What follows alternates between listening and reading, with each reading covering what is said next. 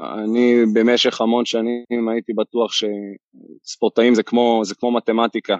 כשפתחנו את האקדמיה לכדורעף חופים וניתנה לי השליטה המלאה, אז היינו עושים שם כמות חזרות אסטרונומית, חזרות אנליטיות, בלי מחשבה, כשאני נותן להם עוד הערות ועוד הערות ועוד הערות ותרגילים מורכבים, והייתי בטוח שאני זה שהולך ללמד אותם ולהביא אותם, ו... ופשוט פספסתי לגמרי, במקום לגרום להם ליהנות מהמשחק ולאהוב את זה, וזה גם היה מורכב, כי פתחנו את האקדמיה לכדורעף חופים, שזה בעצם אקדמיה למצוינות, זה מקום הישגי, אבל אנחנו הבאנו ספורטאים מאפס. בשביל כדורעף חופים אין כמעט מועדונים, אנחנו אולי ניגע בזה אחר כך. התשתית שלנו היא צרה מאוד, והייתי צריך לאתר ילדים מאפס וללמד אותם. וחשבתי, באותה תקופה הייתי בטוח שהתפקיד של המאמן הוא, הוא ממש להיות כמו איזה מנצח, ושאם אני אתן להם מספיק מספיק חזרות של הטכניקה ונלמד את זה מספיק טוב, אחרי זה הם ילכו למשחק ויעשו את זה. ופספסתי את כל העניין שבכלל כדורעף זה משחק של קבלת החלטות, וכל הטכניקה שבעולם לא עוזרת אם אתה לא מחליט מספיק מהר או יודע לעמוד בלחץ, וזה הדברים שבאמת קשה ללמד, ואם אתה לא מתחיל ללמד את זה מגיל מספיק צעיר, איך שהספורטאי מתחיל לגעת בכדור, אז אחרי זה אתה לא יכול להכניס את זה, או שזה מאוד מאוד קשה.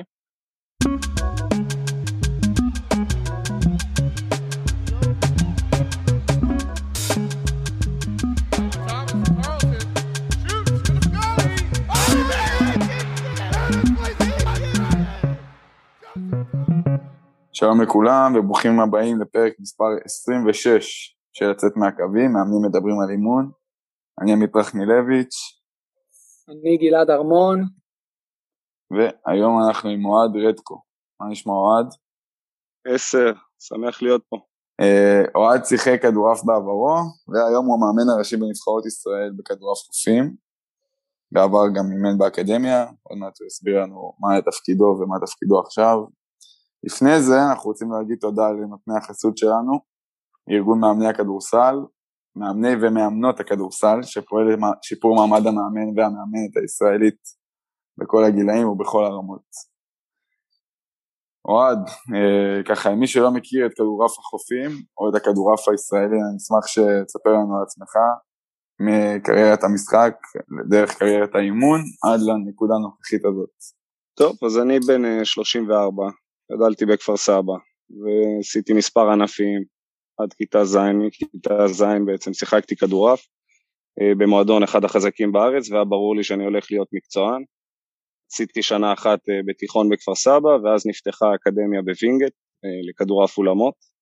אז בעצם הגעתי לאקדמיה בווינגייט, וכשהגעתי לסוף י"ב הייתה אליפות אירופה עד גיל 20 בארץ, בכדורעף חופים, לפני זה היו מספר פרויקטים של שחקנים בודדים שעשו אה, קמפיינים, שניסו לעשות קמפיינים אולימפיים, ולא הייתה שום תשתית בכדורעף חופים בארץ.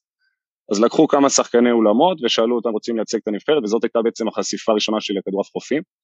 באותה תקופה אה, נבחרתי ושיחקתי באליפות הזאת, אה, הפסדנו די חזק, אבל מאוד אהבתי את הענף, זה גרם לי להרגיש דברים שונים, לחצים שונים של אה, לעמוד במגרש איזה שניים, שכל העומס הוא עליך ואתה אחראי על המשחק, אה, מה שאני גם מאוד מאוד אוהב את הים. אה, ובעצם בארבע שנים הבאות עשיתי גם כדורעף אולמות וגם כדורעף חופים. היה, היה לי גם שנתיים שלא סגרתי ב, בליגת העל באולם, המשכתי לשחק רק חופים, ניסינו לעשות מזה משהו רציני. ההורים השקיעו המון כסף, האיגוד השקיע מעט גם, אנחנו התקדמנו בסבב העולמי בכדורעף חופים. אבל לא היה מספיק תקצוב לתחרויות ובלי דירוג בסבב עולמי בכדורעף חופים אתה לא יכול להתקדם לשום מקום. אני החלטתי בגיל, בגיל 23 שאני לא, לא רוצה לקחת יותר אה, סכומי כסף כאלה מההורים שלי אה, ובעצם שם שיחקתי עוד שנה אחת באולם או שתיים אה, והפסקתי וסיימתי כי מבחינתי אם זה לא בכל הכוח להגיע לאולימפיאדה או לחו"ל או משהו ברמה בינלאומית להמשיך לשחק בליגת העל בארץ לא הרגשתי שיש טעם לזה בעצם. אמ, וזהו, בעצם מסוף הצבא, מגיל 20, התחלתי לאמן אה, מעט ביסודיים בכפר סבא, אמ, ו- וככה היה לי תקופה של חפיפה של גם להיות שחקן וגם להיות מאמן, אמ, ותמיד הרגשתי שזה, שזה הולך להגיע ושזה הייעוד שלי. האמת שגם בכיתה י"ב, אם תסתכל בספר מחזור, שאלו אותנו מה אתה רוצה להיות שתהיה גדול, אז היה שם, כתבתי מאמן נבחרת. אה, עדיין לא, לא ידעתי כמה, זה, כמה אני באמת אתחבר לזה, אבל תמיד הייתה לי נגיעה לזה, ותמיד כשהסתכלתי על המאמנים שלי גם כשחקן צעיר, הסתכלתי על הצד שלהם, אה, ואיך הם מעבירים את האימונים ועל התרגילים שלהם, והייתי שמח להישאר ולעזור באימונים. אה, אז האימון תמיד קרץ אליי. שכחתי להגיד, בכדורעף חופים ששיחקתי בארץ הייתי אלוף הארץ ארבע שנים, זאת אומרת הגעתי לרמה הכי גבוהה שאני יכול בארץ, והגענו גם לרמה בינלאומית סבירה, אבל לא, זה לא יכול להמשיך כי לא היה בעצם תקצוב. אה, ומשם, ברגע שהבנתי, אני בן אדם של all out, ברגע שהבנתי שאני לא יכול אה, לעשות את זה כשחקן, אז עזבתי, והתחלתי לאמן חובבים. אה, אז, אז הייתה לי קריירה ממוצעת בליגת העל בארץ, לקחנו עונה אחת גביע עם כפר סבא, עוד כמה שנים בקבוצות באמצע טבלה, אה, ובכדורעף חופים היה לי ככה איזושהי שליטה בארץ, אבל אה, תמיד הרגשתי שזה לא אמיתי, כי לא היו המון מתחרים, לא היו עוד זוגות שרצו להתחרות. אה, וזהו, וככה מצאתי את עצמי מתגלגל לכיוונים חדשים, ל- ללימודים, ל- לצאת קצת מהספורט, הלכתי ללמוד עיצוב גרפי, ושם הבנתי בעצם שהמקום שאני יכול להיות טוב בו זה, זה עם אנשים, זה לא מאחורי מחשב או ציור, זה, שכל השנים שלמדתי כדורעף כשחקן וגם כ- כמאמן צעיר, אה, נתנו לי איזשהו יתרון ש, שבעולם הבוגר כבר יש לי מה לעשות איתו. אה, ואם אני הולך לעיצוב גרפי אני מתחיל מאפס. אה, גם חוויתי שם איזה משבר בחיים של מה, מה אני רוצה לעשות בחיים ולמה. והבנתי ש, שהדבר שאני רוצה לעשות זה לאמן ולחנך ולהשפיע על כמה שיותר אנשים כל עוד אני פה. אה, לטובה. אה, אז זה בעצם איך אה, הדרך שלי לאימון. מדהים. אמרת קודם שגם עברת אצל כל מיני מאמנים ולקחת מהם דברים לקראת, לקראת המעבר הצפוי שלך אולי לאמן. לפרט קצת איך, איך כל אחד מהמאמנים האלה השפיע על איך שאתה מאמן היום, עם אנקדוטות, עם סיפורים, עם דברים כאלה? בטח, יש המון דברים שאני היום מאמן ו- ולקחתי ממאמנים שאימנו אותי כשחקן או שהייתי עוזר שלהם כמאמן. אחד המאמנים הראשונים שהשפיעו עליי בענק זה, זה ליאון ליטבק. הוא אימן בכפר סבא המון שנים חטיבות, בנות ובנים, ו- והייתה לו פשוט, בעיקר בבנות, הצלחה מסחררת ברמה של, לא יודע, המון המון אליפויות, אחד המאמנים הכי מאותרים בגילאים האלה בארץ, אה, והוא הוא פשוט בדרך שלו המיוחדת גרם לספורטאים להתאהב במשחק. ו, ואני במשך המון שנים, וזה מצחיק, כי אני במשך המון שנים כשחקן העברתי עליו ביקורת שהוא לא מלמד טכניקה ולא מלמד טכניקה ולא מלמד טכניקה, אבל הוא היה כועס על מי שלא מתאמץ, והוא היה נותן למס... לאימונים להיות דמויי משחק לחלוטין וזורמים, והוא היה נותן לנו ואומר לנו להישאר לאימונים של הבנות אחרי זה, אה, ו- וילד אחד בכיתה ז' היה יכול לבוא ולעשות שלושה אימונים ברצף ולהיות כל אחר הצהריים במגרש. וגם אם לא להתאמן אז סתם בצד עם כדור, ומי שמאחר הוא היה מוריד את הנעל הענקית שלו על הרצפה ונותן לו צ'פחה בטוסיק אה, רוסית, או איזה ציקלווין, זה מאמן של 120 קילו, כן? זה ציקלווין בראש היה עושה לו סחרחורת, אבל הוא פשוט גיבש את כל מי שהיה אצלו וגרם לספורטאים לאהוב את המשחק, וזה מה שהביא תוצאות, ואני המון שנים אמרתי לעצמי כספורטאי צעיר, כן, הוא בן אדם טוב, הוא מאמן טוב, אבל הוא לא יודע טכניקה, הוא לא מאמן טכניקה, ופסט פורוורד לאיפה שאני עכשיו, בשנים האחרונות אני רק מבין כמה בן אדם הזה עשה את הדבר הנכון, ו... ובדיוק עשה את התפקיד שלו, של לאמן צעירים, של ללמד אותם מה זה לאהוב את המשחק והקרבה ו... ולהתרכז במה שחשוב. ולא בלמשוך את היד עוד אחורה, או בעוד תרגיל משעמם, או בטוב או לא טוב. אז היום, אז היום איך אתה מאמן אחרי שהבנת את זה? כאילו, בפועל איזה מאמן היית? של אה, לזרוק כדור לקיר ולשפר את הטכניקה? אני במשך המון שנים הייתי בטוח שספורטאים זה כמו, זה כמו מתמטיקה.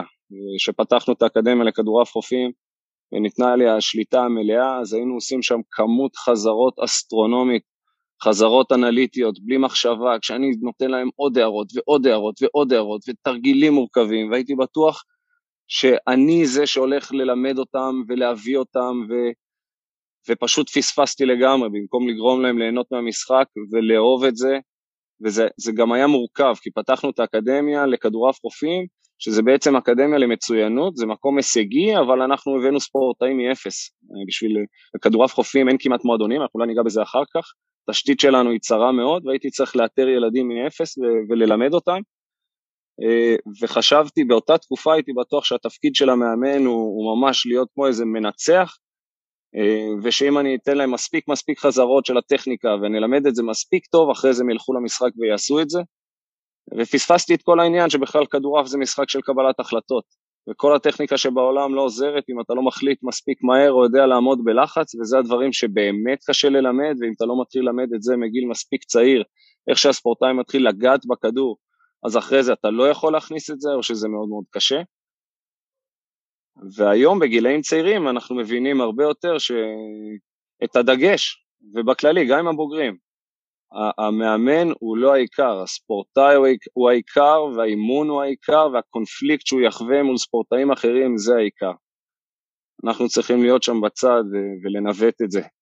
קצת ימינה, קצת שמאלה, קצת לתת את המראה של איך אתה עובד, לתחזק את המצב הנפשי של הקבוצה, ליצור את, ה, ליצור את הזירה שבה הם יכולים להתכתש ולהתקדם. מדהים, ממש מזדהה עם זה. זה, זה היה נהדר, אני ממש מזדהה עם מה שאמרת, ומי עוד השפיע עליך חוץ מליאון? המאמן הבא שלי, יעקב הרשקו, הוא השפיע עליי מאוד. הוא הכניס אותי בעצם לעולם הזה של ספורט מקצועני. לפני זה הייתי בכפר סבא, זה היה נחמד, אבל הוא הכניס אותי לעולם הזה של ספורט מקצועני, של התעמקות בדברים, ודווקא הוא כן דיבר על טכניקה המון. עכשיו, אני לא חושב שאתה לא צריך לדבר עם, על, על טכניקה עם ילדים בכלל או עם בוגרים, זה כן חשוב, אבל אתה צריך למצוא את הדרך לעשות את זה בצורה כמה שיותר משחקית וכמה שפחות דיבורית. זה דברים שלקח לי הרבה זמן להבין, אבל יעקב התחיל לדבר איתי על טכניקה, אה, על, על ההתנהלות הנפשית בתוך המגרש, על לקחת אחריות, על להיות קשוח, אז המון מהדברים שאני מעביר לספורטאים שלי היום זה דברים ש, שלמדתי ממנו. גם במקום הזה של אה, למידה, הוא היה אחד, ה, הוא בשנת 2006 או 2005, הביא כמה מכשירי חסימה, מ, מ, הביא שרטוטים של כמה מכשירים לאימון מאיטליה, מנבחרת איטליה, ובנה אותם באיזה מסגרייה בארץ, ועד היום המכשירים האלה בווינגייט ועובדים, וכבר המשיכו לקדם אותם, ויש כאלה במלא אולמות, שלפני זה לא היה שום דבר מהסוג הזה בארץ, או דברים מאוד מאוד פרימיטיביים, וזה משהו שהוא כאילו הכי קל לעשות, ללכת לראות אה, אה, מכשירים של מדינה אחרת ולייצר אותם אצלך, והוא עשה את זה פשוט, וזה היה, באותו זמן זה היה אה, משהו משמעותי, ואני לוקח מזה היום לעוד דברים. אה, זה יעקב. אריה זלינגר, אריה זלינגר, עבדתי עוזר שלו במשך, במשך שנתיים בנבחרת ישראל לנשים בוגרות. זה היה בעצם קפיצה עמוקה לעולם של ספורט מקצועני, להמון טיסות ותחרויות, למאמן שהוא, ובעצם זה, זה הדבר, חשבתי מה אני הולך להגיד על ארי, האובססיה לתפקיד, שזה משהו שאני פתאום מזהה אצל כל מיני מאמנים גדולים בכל מיני ענפים. האובססיה לתפקיד, לחשוב על התפקיד שלך מהבוקר עד הלילה, כל הלילה. אני לא ראיתי דברים כאלה אצל אף מאמן לפני אריה, אני לא קרוב לחקות את היכולת הזאת, אבל כמה שאני מנסה קצת זה כבר מקדם אותי. Uh, הבן אדם לא היה דבר שיותר חשוב לו בעולם מהקבוצה שלו ומלגרום לה לנצח, והוא פשוט היה כל כך בתוך זה, עם כל כך הרבה ביטחון עצמי ואמונה מלאה שהוא יכול להצליח, שזה פשוט מקרין, והוא סחף אחריו פשוט את הקבוצה. Uh, וגם העבודה הסיזיפית למדתי אצל אריה, פשוט שעות של, של חבטות, זה, וברגע שאתה עושה את זה כל כך הרבה, זה נשאר לך חוויה, כי אה, האימונים אצל אריה היו פעם ביום ארבע שעות.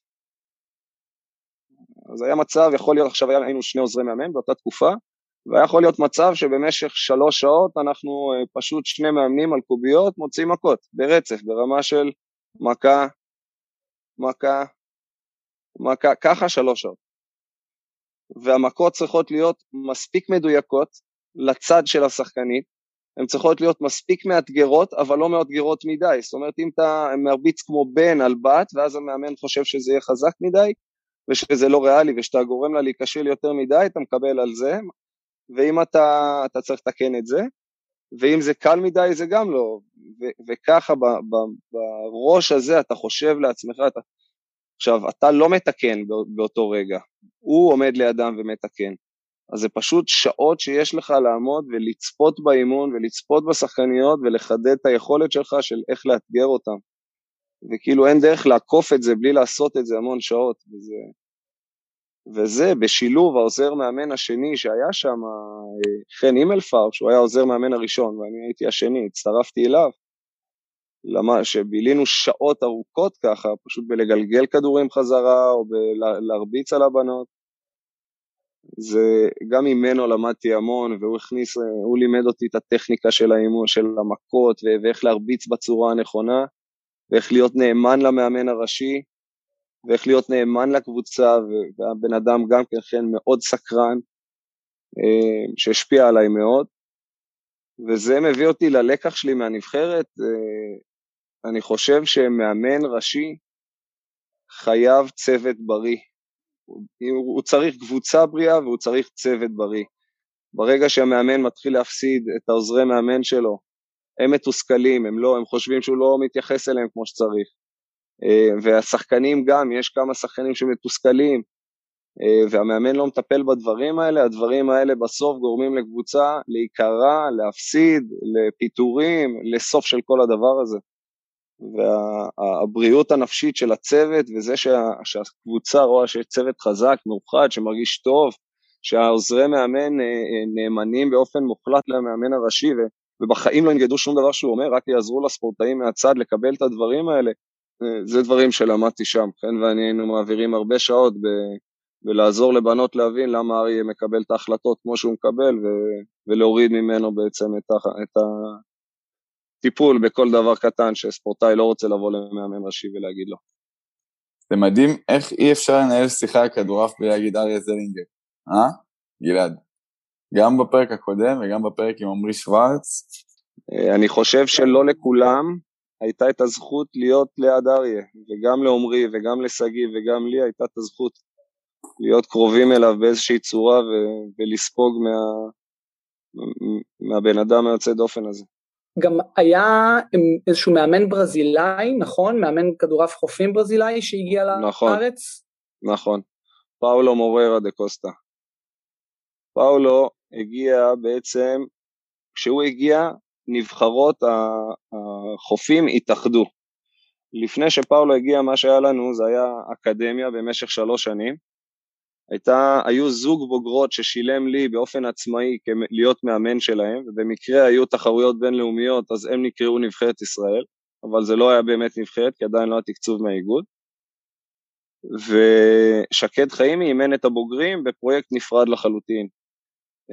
כשפאולו הגיע בעצם והתחלף עם שקד, אה, אז גם נוסף התקן לנבחרת נשים, והוא לקח גם את הנשים וגם את הגברים, ואני נהייתי יד ימינו, וגם שון לויטן, ושנינו אה, עזרנו לו, והוא בעצם, מאותו רגע הנבחרת עבדה כמערכת אחת שלמה, מצעירים עד בוגרים, כשבאותה תקופה עדיין לא היו לנו חיילים.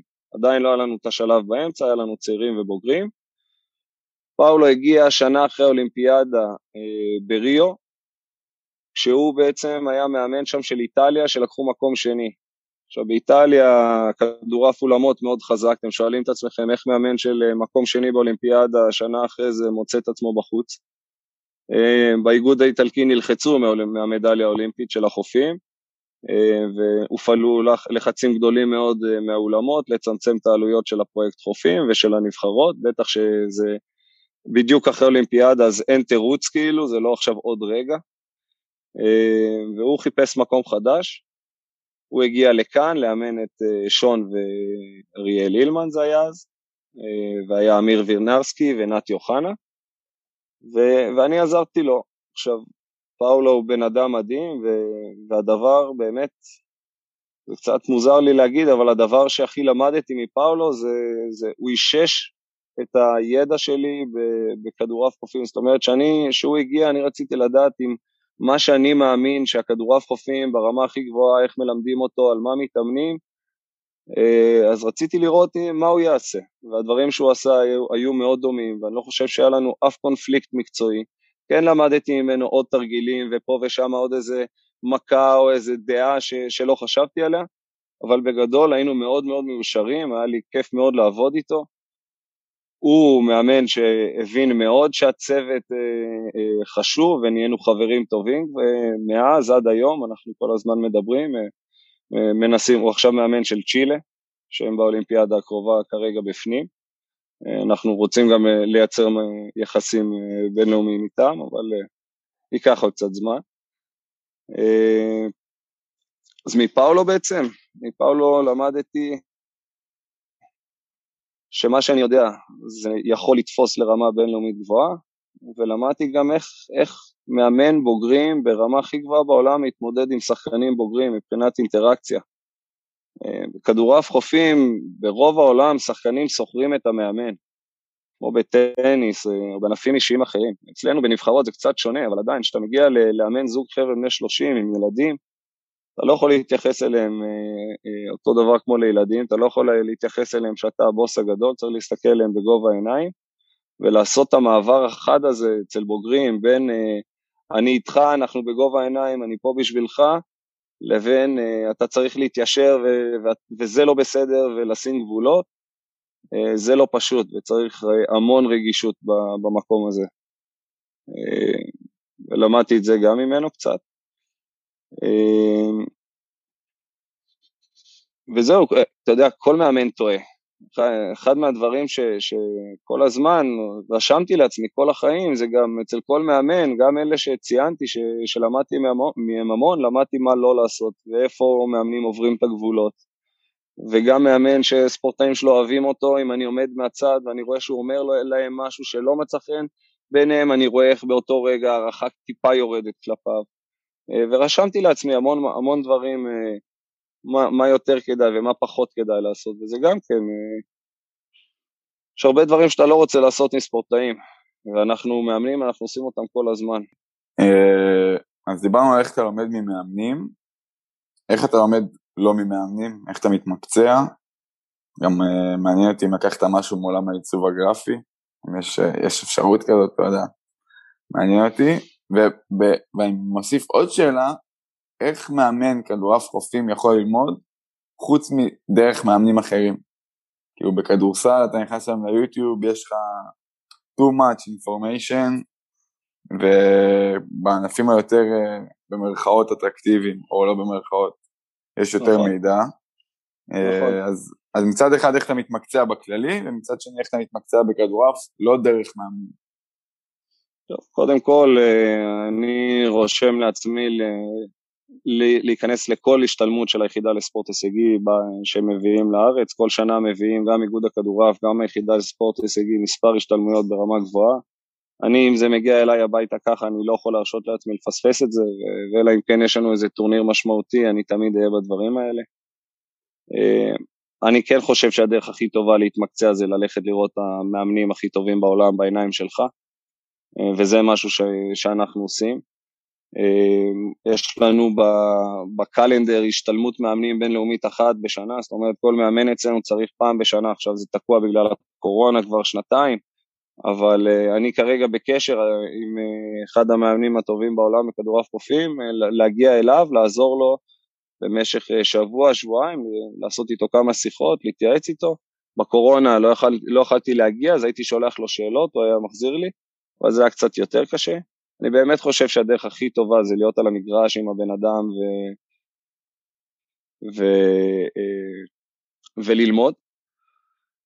אין המון חומר מקצועי על כדורעף חופים, זאת אומרת חלק מהחומר שאנחנו צריכים uh, לעשות, אנחנו, מייצר, אנחנו צריכים לייצר מחקרים בעצמנו, אם זה מידע סטטיסטי או דברים מהסוג הזה.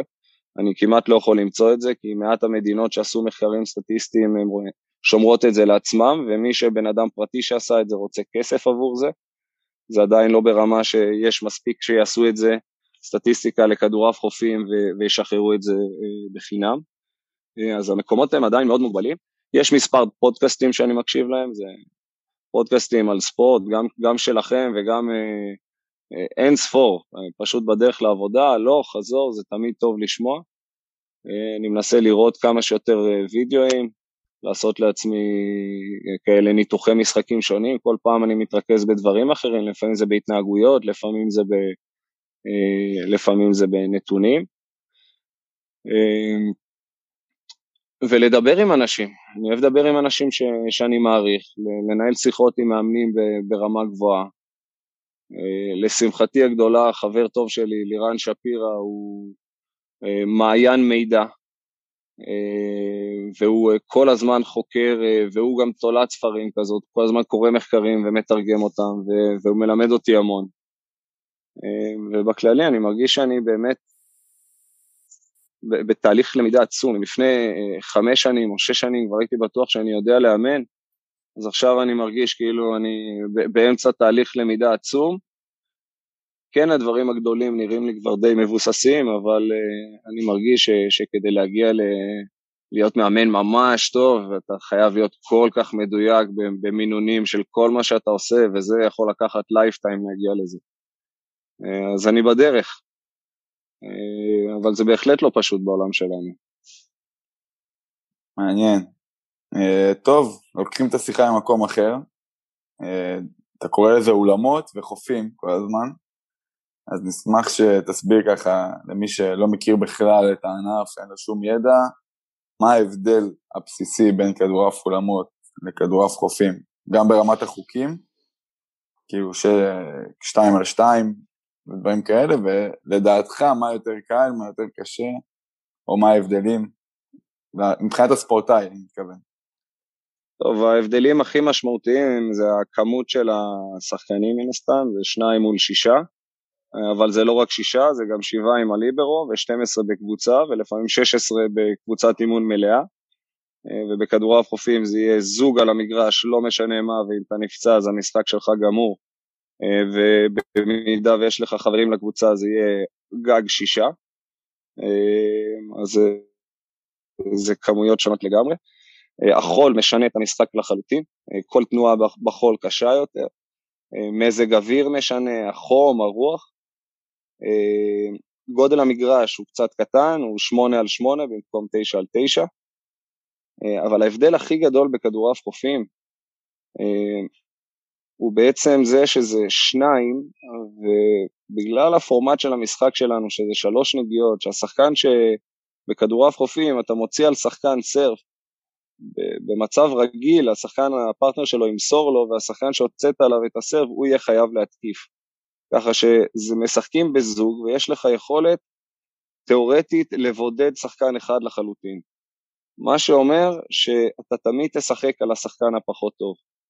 ושחקן פחות טוב יכול למצוא את עצמו שמשחקים עליו משחק שלם, אה, סליחה, טורניר שלם, עונה שלמה, ומספר עונות שלמות שהוא מקבל את כל הסרבים וכל הלחץ במשחק.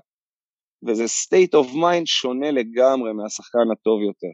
עכשיו רוב הזוגות בנויים בצורה כזו שיש שחקן אחד, זה לא בנויים בצורה כזאת, זה יוצא ככה שרוב הזוגות יש שחקן אחד טוב יותר, שחקן אחד קצת פחות טוב, אז ברוב הזוגות הם עומדים בלחץ, אה, שחקן אחד צריך ללמוד לעמוד בלחץ, יש זוגות ששווים יותר, או מצ'אפים בין זוגות כאלה ואחרים, כאלה שיעדיפו את השחקן הזה, או כאלה שיעדיפו את השחקן השני, ואז זה באמת יכול לעבור מצד לצד.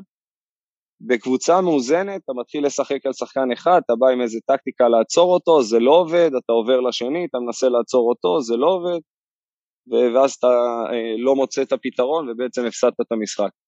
אם הצלחת לעצור שחקן אחד יותר ממה שהם הצליחו לעצור אותך, או את שניהם, אז אתה הצלחת לנצח. זה בעצם המשחק שלנו. עכשיו, הקטע הזה ש, של הלחץ, זה משהו ששחקנים מהאולם לא מכירים.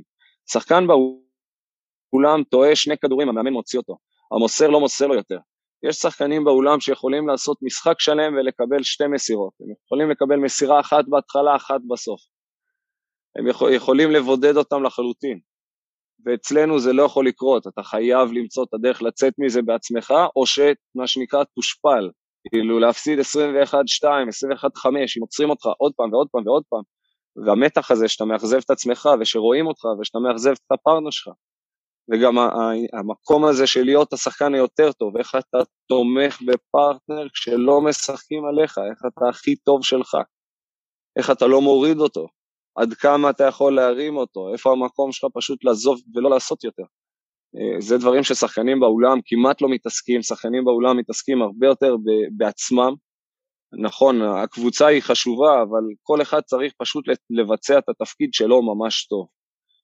ו, ו, והתפקיד הוא גם די מצומצם, ובכדורעף חופים אתה חייב להצליח לדעת אה, לעשות כמעט הכל. נכון, יש חוסם ומגן, אה, אבל זה הרבה יותר מורכב. עכשיו תגיד, יותר מורכב, זה יותר מורכב מבחינות מסוימות, מבחינות אה, אחרות לא. העניין של שישה שחקנים יוצר משהו שבכדורעף חופים אה, יש הרבה פחות, כל העניין של תרגילים וקומבינציות. אתה יכול לייצר מצב שיש לך ארבעה שחקנים שעולים להתקיף בו זמנית, כל אחד עושה איזה הטיה שונה, במהירויות מטורפות, בקצבים מטורפים, וגם עצם זה שיש לך שישה שחקנים במקום שניים על מגרש שהוא תשע על תשע זה לא הרבה יותר גדול משמונה על שמונה, זאת אומרת אין הרבה מקום להפיל את הכדור, זה אומר שה... וגם בגלל הרצפה הקשה השחקנים עולים גבוה יותר, קל להם לעלות מאוד מאוד גבוה, עולים יותר גבוה מבחוף, אז המשחק נהיה משחק מאוד עוצמתי, וזה נוצר מצב שאם אתה לא ענק ומאוד חזק, אתה לא יכול לשחק את המשחק הזה ברמה מאוד גבוהה, ואם אתה ענק ומאוד חזק אבל לא הכי חושב, אתה עדיין יכול לשחק את המשחק, הזאת, את המשחק הזה ברמה הכי גבוהה, כי יש מספיק אנשים שיחשבו בשבילך, המאמן שייתן את התרגיל, המוסר שיחליט אה, מתי הוא מוציא אותו לפועל, אתה צריך להיות שם כמו איזה תותח שמצליח להרביץ ולקבל החלטה בין למעלה, ימינה, שמאלה, בין החוסמים. אני לא מוריד מהערך של זה, זה מאוד קשה לעשות באפס זמן באוויר מול שלושה חוסמים ענקיים, אבל זה איזושהי אה, אפשרות שניתנת רק למי שמאוד גדול ומאוד חזק. זה ברמה בינלאומית הכי גבוהה אני מדבר. אה, כדורעף חופים, אתה יכול למצוא שחקנים מגוונים אה, בגודל וביכולות הפיזיות, כשקבלת ההחלטות וה, וה, והמוח הם קצת יותר משמעותיים, וזה עושה את המשחק הזה קצת יותר שחמט, וזה, וזה נהיה כיף, זה פשוט, יש לזה קסם.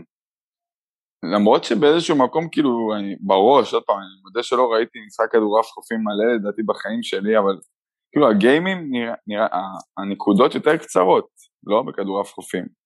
בגדול, בכדורעף חופים גברים, האחוז שלך לסיים את הכדור הראשון מהקבלה הוא אמור להיות גבוה מאוד אם אתה רוצה לשחק ברמה. השחקן הכי טוב בעולם היום הוא עם סביבות 80 אחוז. 80 אחוז side-out זה אומר ש-80 אחוז שאתה מוציא עליו את ה serve הוא גומר את הכדור הראשון. אה, אני לא יודע את האחוזים של האולם, אני כן יכול להגיד לך שבאולם המהירויות יותר גבוהות ויותר קשה להרים כדורים.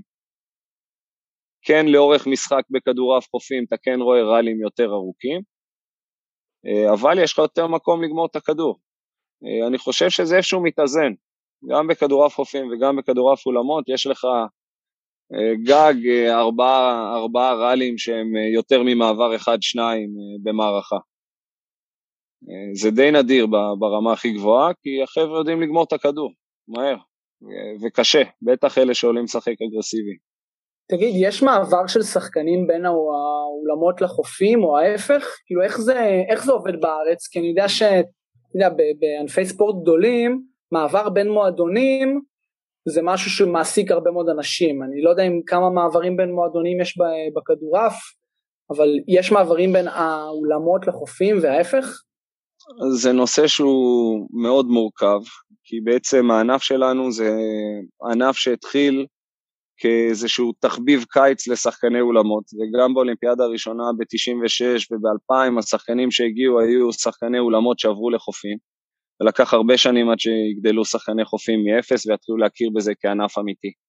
וגם אצלנו בארץ, וקצת באיחור, במשך המון זמן אה, המעבר הוא היה, לא היה, לא היה שום תשתית מסודרת בארץ, שום, אה, שום, שום מקום לעבור אליו, זאת אומרת אם מישהו פעם רצה לשחק חופים הוא היה צריך להגיד טוב אני מוצא ספונסר ו- ואני הולך על זה. וזה מה שעשו בארץ, עכשיו הוועד האולימפי בא ואמר אתם זוג אתם תנסו אה, לרוץ.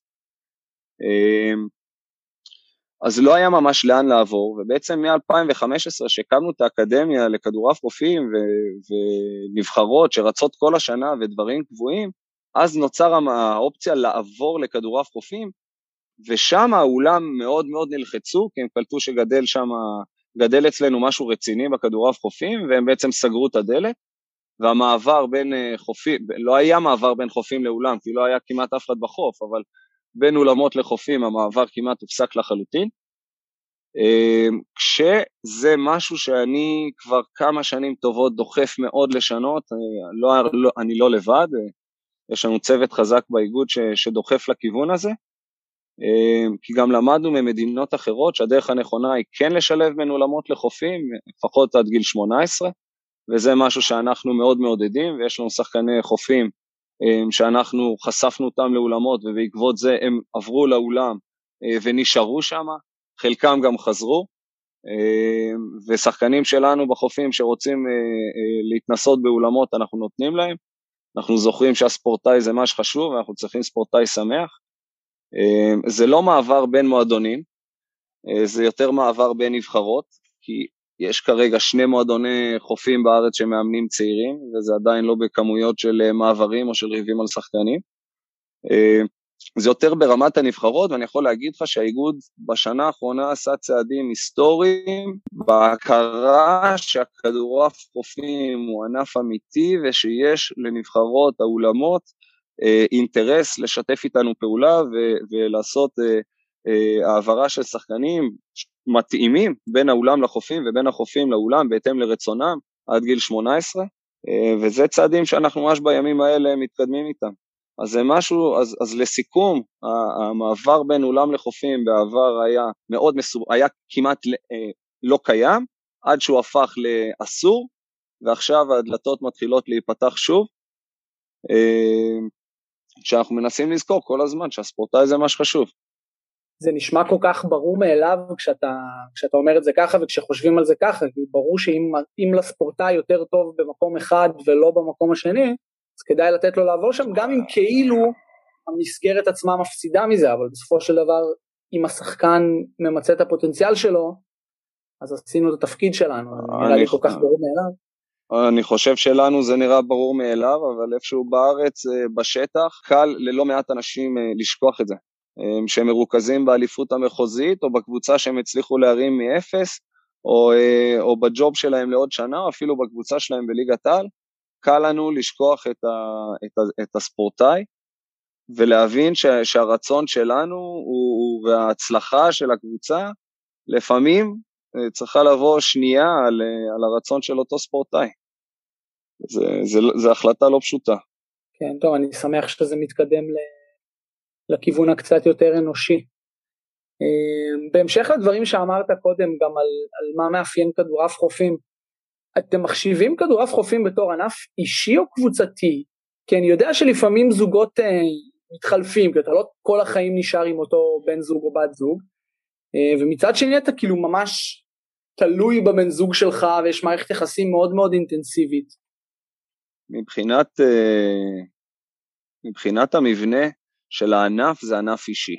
מבחינת העומסים שספורטאי עובר, זה אותם עומסים של, של ספורטאי אישי בכל ענף כמו ג'ודו או שחייה. אה, ובכל זאת, אתה עושה את זה עם עוד בן אדם, מה שכבר עושה את זה קבוצה.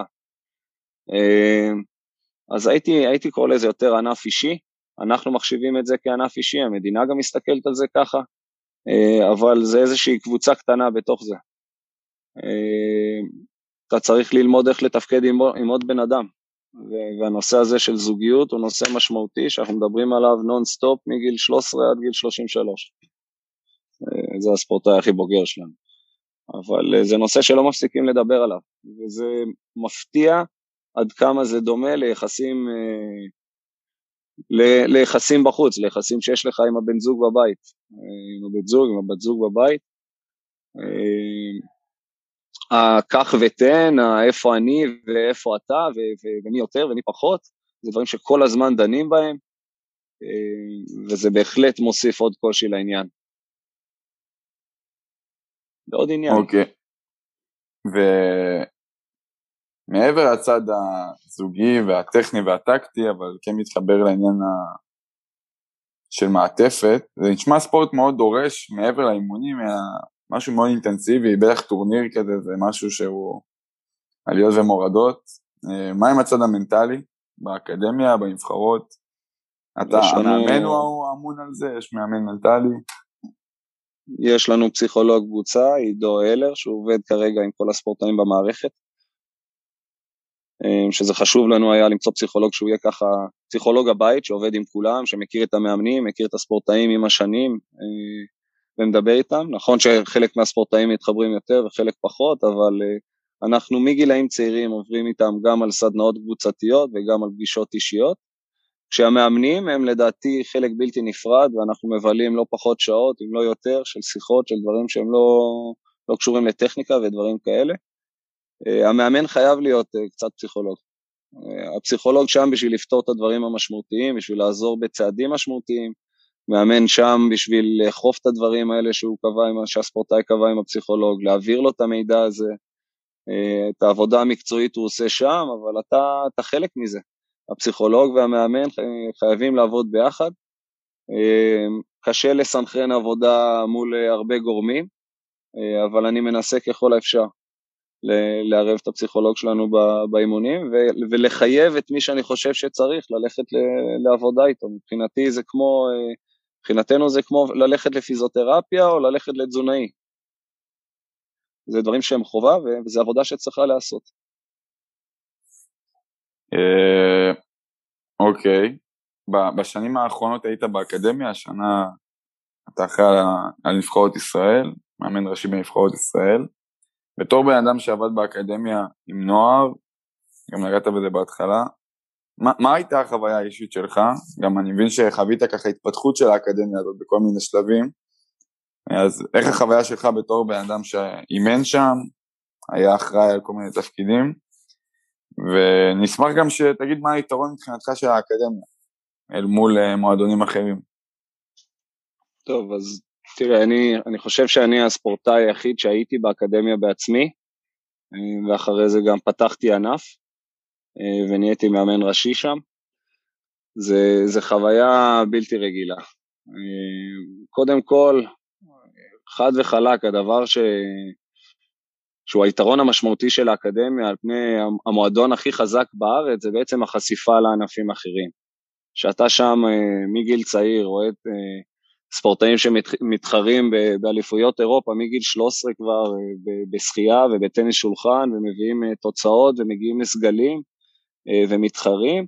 ובענף שלנו בגיל 13 עדיין רגילים לשחק ככה כמו, כמו בחוג אז זו חשיפה מהירה מאוד לספורט מקצועני ולספורט הישגי. ולחיות את זה ולראות את כל הסקאלה של הספורטאים, הרי בפנימייה היום יש 200 ילדים, אתה יכול לראות שם את המקצוענים במספר ענפים, בכשמונה ענפים שונים, אתה יכול למצוא שם את הילדים הכי מקצוענים שאתה יכול לדמיין, ש, שבצהריים יצאו מהחדר ויצעקו על כל האחרים, אה, תפסיקו לעשות פה מלחמות מים, וירצו ללכת לישון בשמונה, ו, וילכו ויכעסו על, על כל החדרים שמסביב כדי שיהיו בשקט, ואתה רואה את אלה שבאים לעשות שמח ובלאגן, ואתה יכול לבחור אה, לאן אתה הולך, ואתה כמאמן תמיד אה, יכול להראות להם. אני לא יכול להגיד לכם כמה פעמים נתתי דוגמאות של ספורטאים מענפים מצליחים אצלנו באקדמיה, לספורטאים שלנו, כאילו, תראו את החבר'ה האלה מהג'ודו, את ההישגיות שלהם, כמה הם מאמינים בעצמם. חבר'ה באומנויות לחימה, יש להם אמונה עצמית מטורפת, שהם יהיו האלופים, הם לא יכולים לעשות את זה בלי.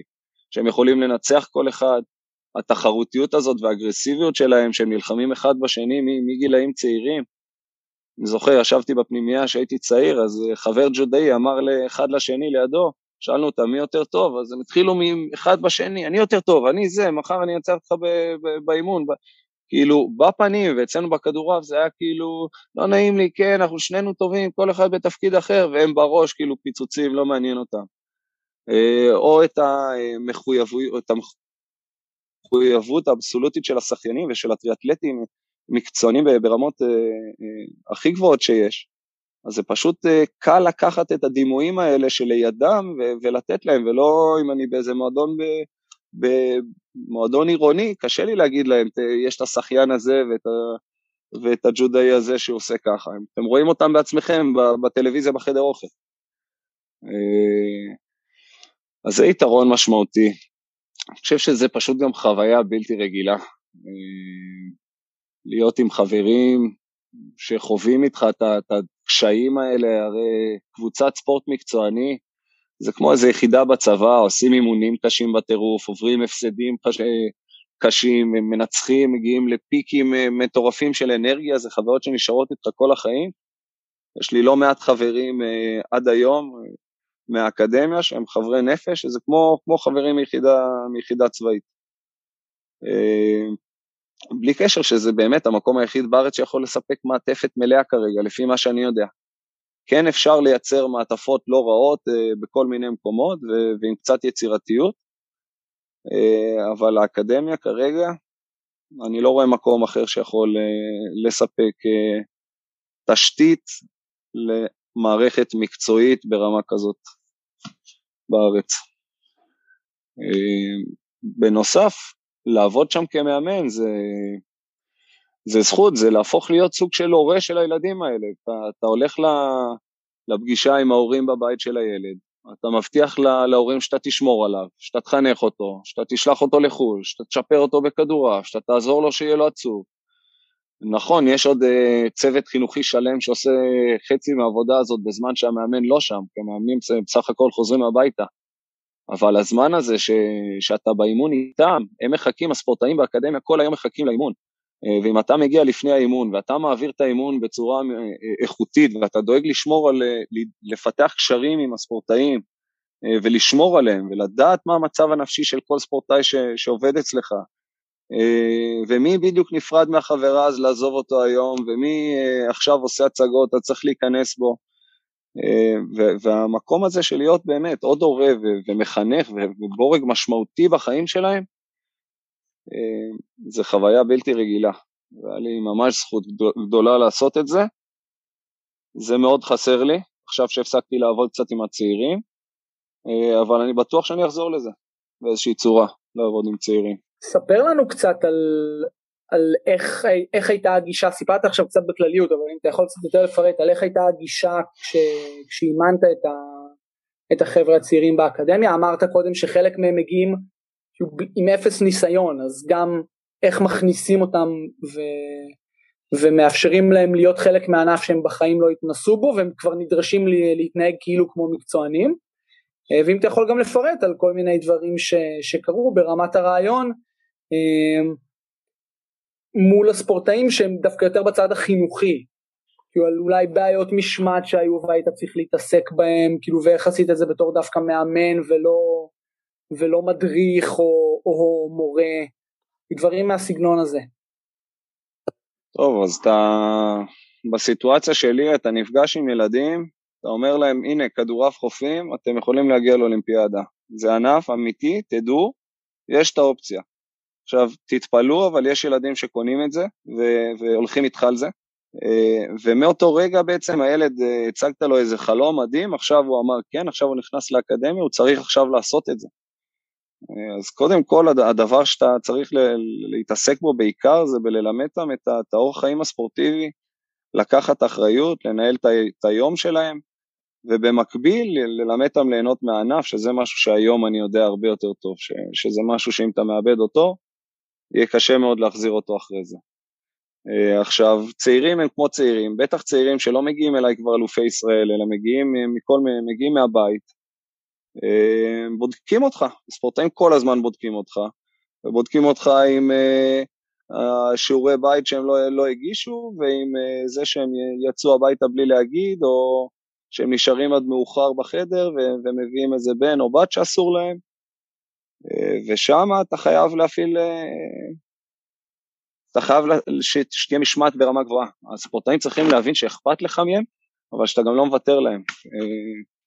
ואנחנו לא מעט פעמים פגענו בפן המקצועי של הכדורעף בשביל החינוך באקדמיה, ואנחנו ממשיכים לעשות את זה עד היום, וספורטאים שמתנהגים בצורה שהיא לא ישרה, לא מכובדת, אה, או שלא עומדים בתנאים לימודיים, פשוט לא מתאמנים בלי קשר לרמה שלהם.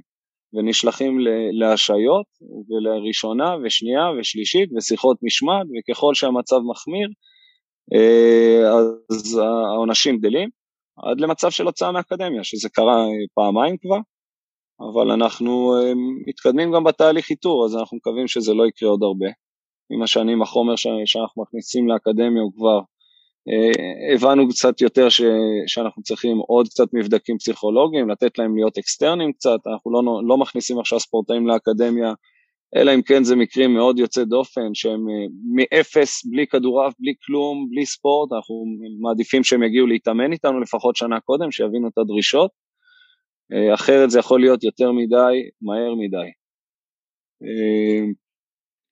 אבל כן, אנחנו באקדמיה משמעת אצלנו, וה...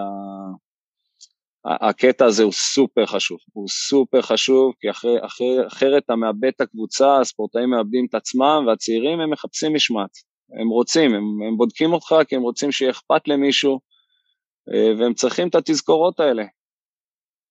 ללכת לישון מוקדם, אה, אל תאכל את זה, זה לא בשבילך, הם צריכים את הדברים האלה, ואתה צריך להיות שם כדי להיות uh, מספיק ערני שזה קורה הדברים האלה. קל מאוד למאמנים באקדמיה להגיע לאימון, לעשות את האימון, לחזור הביתה, ו... ובעצם הילדים מאבדים את זה. ואם uh, המדריך אחרי זה מתקשר למאמן ואומר לו ש... שהספורטאי עשה משהו, משהו לא, לא קשורה או שיש איתו בעיה, והמאמן מגיב ומיישר ומתערב, הספורטאי מבין שהוא עטוף. אה, יש פה, יש פה הרבה אחריות להיות מאמן באקדמיה.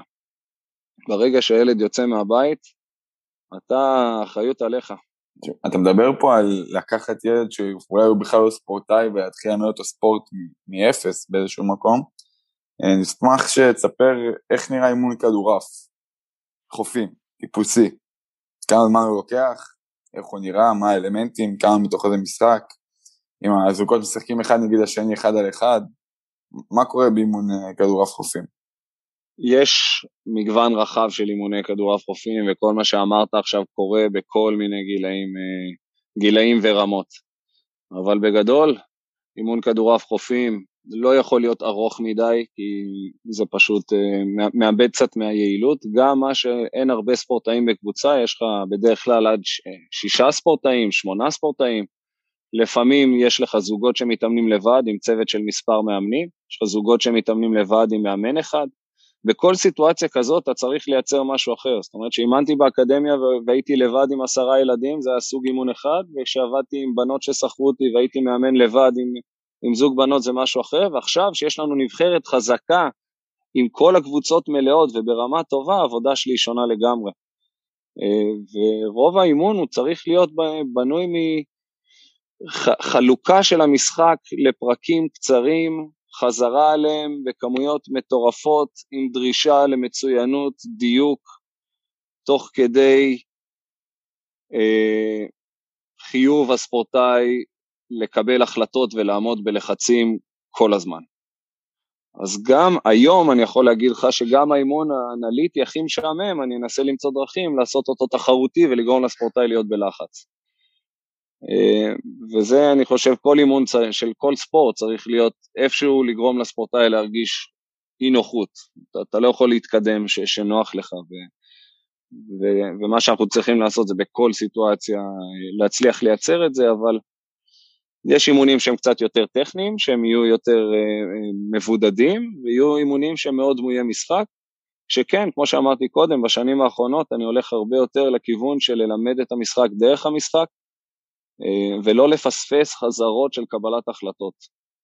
אה, כל חזרה שהם עושים שהם אה, לא מקבלים החלטה היא בעצם לא מאוד דומה למשחק, וכל חזרה כזאת שאנחנו עושים, אני צריך לחשוב טוב טוב למה אני עושה את זה. ואני יכול להגיד שהכמות שזה קורה היא יורדת משמעותית בשנים האחרונות. אז יהיה חימום, יהיה, יהיה כמעט תמיד משחק חימום, אנחנו, זה, זה חשוב לספורטאים, גם הבוגרים, ליהנות מהאימון, לשמור על הילדותיות הזאת ולעשות איזה משחק חימום, כמעט תמיד אנחנו עושים, אלא אם כן זו יחידה קצרה ומאוד מדויקת. אחרי זה יהיה איזשהו אה, חלק עיקרי של האימון, שבו אנחנו נעבוד על איזשהו אלמנט טכני, טקטי אה, או מנטלי, יכול להיות אימון של קבלת החלטות, יכול להיות אימון של אה, מהירות, של כוח של הנחתה. באימון אחד הם יצטרכו לחשוב יותר, באחד פחות, אבל תמיד הם יצטרכו לקבל איזושהי החלטה. אה, ובסוף כמעט תמיד אנחנו רוצים להגיע לאיזשהו מצב משחקי מלא, בהתאם לדברים שעבדנו עליהם באותו יום. ובסוף נכנסים למים. דיברת על דיברת על הערכים שחשובים לך, דיברת על, על מאמץ ודיברת על, על מקצוענות, כאילו לעשות את הדברים בדרך הנכונה. איך הדברים האלה באים, ב, באים לידי ביטוי בזמן האימון? מה, מה המשוב שהם שומעים ממך תוך כדי האימון? אה, שאלה טובה. אני חושב שאחד הדברים החשובים שלמדתי בשנתיים, שלוש האחרונות, זה לשבח ספורטאים על מאמץ ולא על הצלחה. ספורטאים שמאוד גבוהים וקל להם להנחית מאוד חזק, אה, לא צריכים את הכל הכבוד על הבומבה שהם הוציאו, הם צריכים את הכל הכבוד על הפעולה, על הפעולה אה, במכרע ליד החול עם הנפילה שקשה להם כי הם מאוד גבוהים ואולי טיפה יותר קשה להם להיות ליד החול. אז במקום הזה של העבודה קשה, זה פשוט לתגמל את הספורטאים על עבודה ולא על מה שהם הצליחו לעשות. אם הם הצליחו לעשות את זה כי הם עבדו קשה, אז הם, הם מבינים את זה. אמ, אני חושב שאתה צריך לנסות לקשר אה, כל דבר ממה שאתה אומר לתרגילים באימון ולדברים בחוץ. זאת אומרת, חשוב, חשוב לי אה, יושר, אז אני חייב להיות תמיד ישר איתם. אה, חשוב לי עבודה קשה, הם צריכים לראות שאני עובד קשה יחד איתם. אה, לא לוותר, הם צריכים לראות שאנחנו גם לא מוותרים.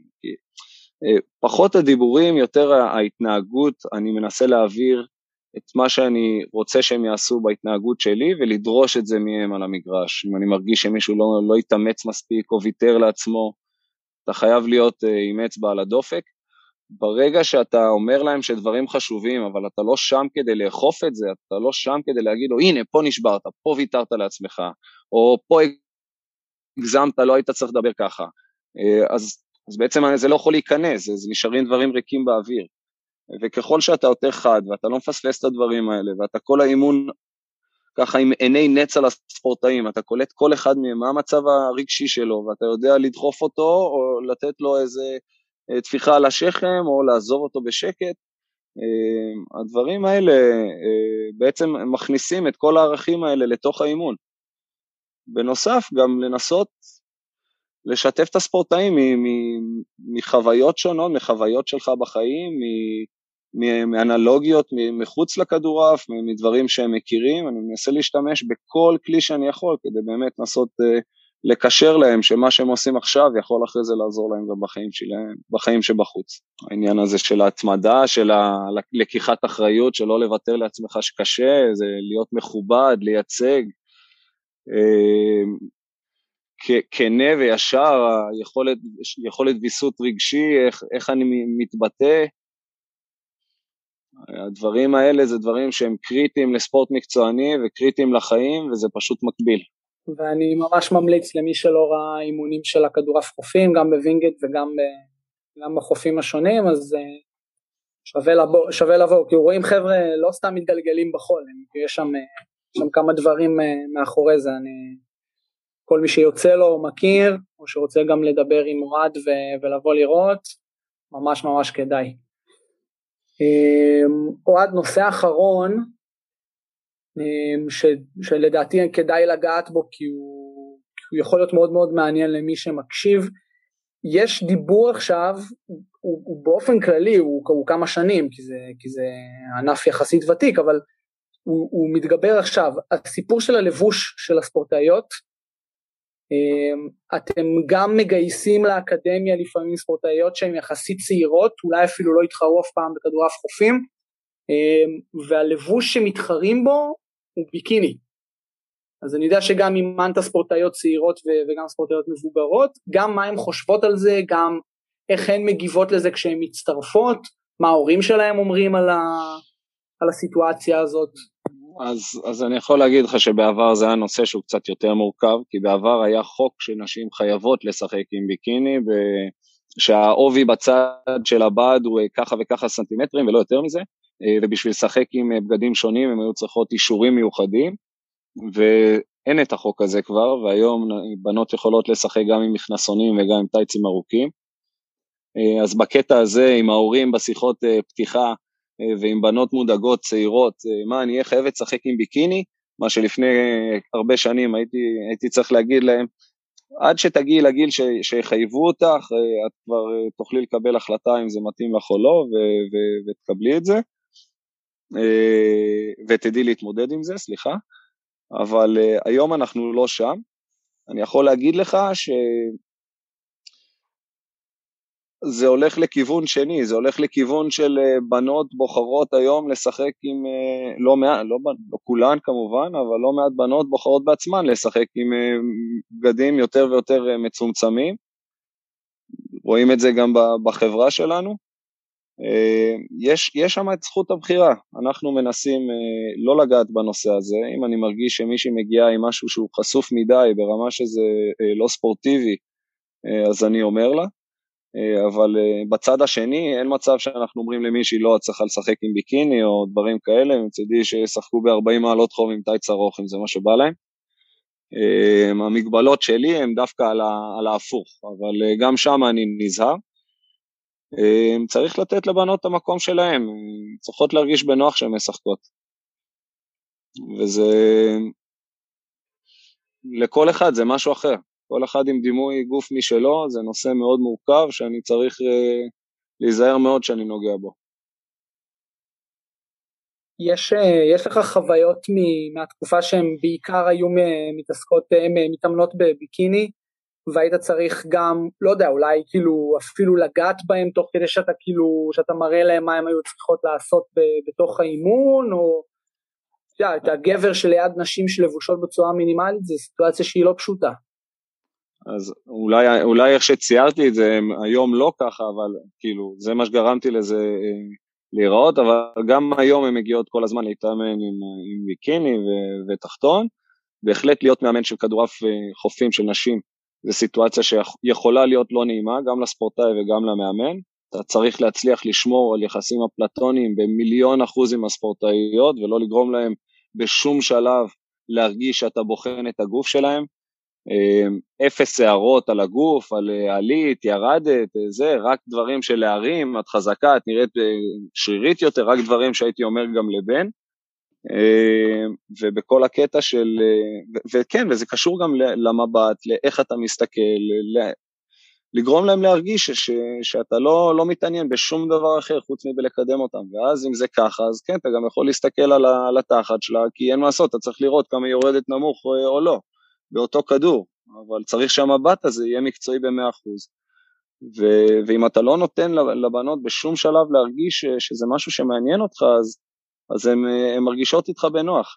ובכל הקטע של נגיעות, מינימום, מינימום, מינימום אפשרי, רק אם אין ברירה, בדרך כלל הנגיעות היחידות שיש לי זה ב, בידיים, בעמוד, בקטע של ליישר עוד קצת המגש, או בכתף, איזו דחיפה כזאת עם האצבעות, אה, אבל שום דבר מעבר. בגלל שזה בביגוד כזה, אני חייב עוד יותר להיזהר ועוד יותר להימנע מזה. אמ, וזה בסדר גמור, אני לא, לא חושב שזה באיזושהי צורה הגביל אותי אי פעם. אם הייתי רוצה פעם לתקן מישהי אה, בברכיים או בזה, אני לפעמים אפילו לוקח את איזה מקל מטאטא ונוגע קצת בברך, קצת בזה, דברים כאלה, זה גם בסדר, כאילו, לא, לא בקטע של אני לא רוצה לגעת בך, אבל דרך אה, נוחה בשבילם לקבל את הדברים האלה. אה, צריך להיות מאוד רגיש, ל... כן, צריך להיות, פשוט מאוד לשים לב, לגרום להם להרגיש בנוח. ולעולם, לעולם, לעולם לא לעשות שום דבר שיגרום להם להרגיש באיזושהי צורה שום מתח מיני או, או מהדברים האלה. זה, זה הכי חשוב. ברמה של אה, כמו משפחה, כאילו. כמו שהיית מסתכל על אח שלך או על הבת שלך, כי אה, ככה אתה צריך לגרום להם להרגיש. זה מה שאני מנסה לעשות. הגענו לחלק האחרון, שאלות שליפה. אה, אנחנו שואפים עליך שאלות, ואתה עונה לנו בשורה, במשפט אחד.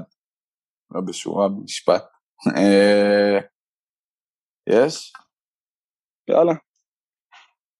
מה ההגדרה שלך להצלחה? מיצוי פוטנציאל של ספורטאי. מה ההגדרה שלך לכישלון? ניתוק קשר טוטאלי ושריפת גשרים. ספורטאים שעוזבים אותך ו- ולא רוצים לדבר איתך, זה מבחינתי כישלון. חוויה משמעותית או רגע שיא כמאמן? רבע גמר באליפות אירופה, עד גיל 18, אחרי שכל השנים היינו רק במקום של לנסות לצאת מהבית. סיימנו מקום חמישי, אנחנו מתחילים להתקדם לכיוון שאנחנו יכולים להתחיל לראות מדליות. דבר אחד שלא ידעת בהתחלה ואתה יודע היום. המאמן משפיע על חלק קטן מאוד מהיכולת של הספורטאי, ברמה 20-30 אחוז. אנחנו שם ליצור את המצב שבו הוא צריך להתקדם, זה לא כדי לקדם אותו בעצמנו. מה ההבדל בין מאמן טוב למאמן לא טוב? מאמן לא טוב חושב שהוא יודע הכל, תמיד. ומאמן טוב יהיה צנוע וסקרן וכל הזמן יטיל בעצמו ספק. אני חושב שאיפשהו. הספק העצמי הזה של אולי זה לא מספיק טוב עדיין, הוא טוב לכולם בכל רמה. ומי שחושב שהוא סיים להתפתח ושהוא יודע, זה הכי מסוכן. פילוסופיית האימון במשפט אחד? פילוסופיית האימון במשפט אחד. לעשות הכי טוב שאתה יכול, תוך כדי המון ביקורת עצמית ומחשבה על מה שאתה עושה באותו רגע, לאורך זמן רב, בלי הפסקה. טיפ למאמן המתחיל? Let the kids play. ושאלה אחרונה, למה לאמן? אתה יכול להשפיע על עשרות אלפי אנשים במעגלים ראשונים, שניים, שלישיים ורביעיים במהלך החיים שלך ואחריהם. אוהד, אה, היה מצוין. אמן ואמן. מקווים שנהנית כמונו. מקווה שנהניתם גם. אה, תודה שהתארחת. אה, תודה למי שהקשיב. שיהיה שבוע טוב. ולילה טוב. תודה, אוהד. תודה רבה לכם.